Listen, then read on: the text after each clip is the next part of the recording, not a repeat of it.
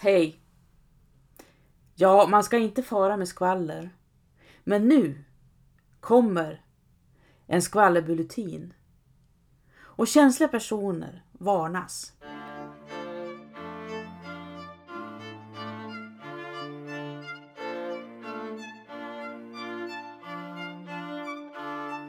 Det skvallras en hel del om Gustav IIIs sviktande manliga förmågor.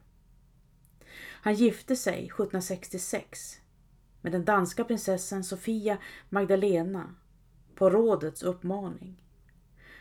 De var båda 20 år och stod som främlingar inför varandra. Det dröjer 12 år innan första barnet föds och Gustavs mor, Lovisa Ulrika, lägger sig i och klagar precis som hon brukar göra.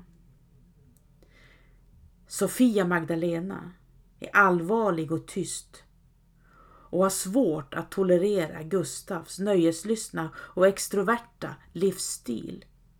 Hon ogillar sällskapsliv och trivs bäst ensam i sina rum. Hon till och med äter ensam och hennes tystlåtenhet får många att uppfatta henne som en indolent eller omväxlande, vänlig och kylig person. Egentligen tycker de nog inte ens om varandra. Sofia Magdalena och Gustav III. Och båda har sina problem. Sofia Magdalena påstås vara deprimerad både till kropp och själ. Gustav på sin kant drivs inte speciellt hårt av kroppsliga lustar. Men de har en uppgift. De har den tillsammans.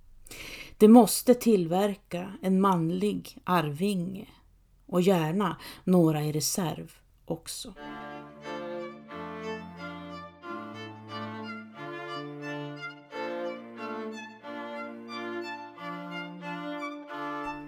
Det största problemet är nog att de inte riktigt vet hur de ska bete sig eller bära sig åt. En gång, sägs det, stämde Gustav och Sofia Magdalena träff för att försöka. Men det blev inte mer än en flyktig kram och båda två var helt vilsna.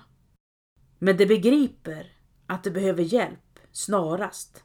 Och båda accepterar, ytterst obekväma med situationen, hovstallmästare Adolf Erik Munks erbjudande om praktisk vägledning.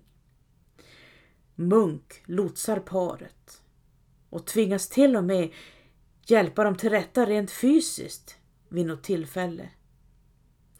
Men Sofia Magdalena blir verkligen gravid. Och det är ju det viktigaste.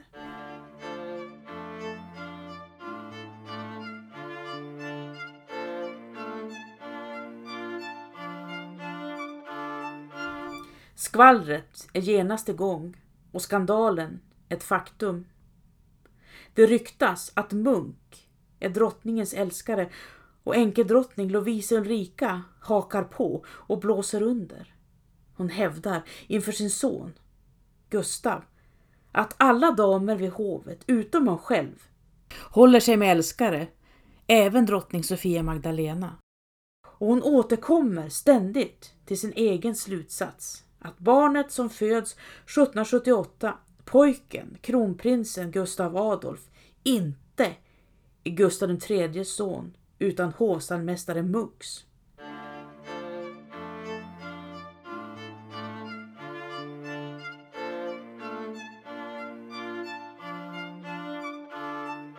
Hon mal på och mal på så ofta att det måste betraktas som trakasserier.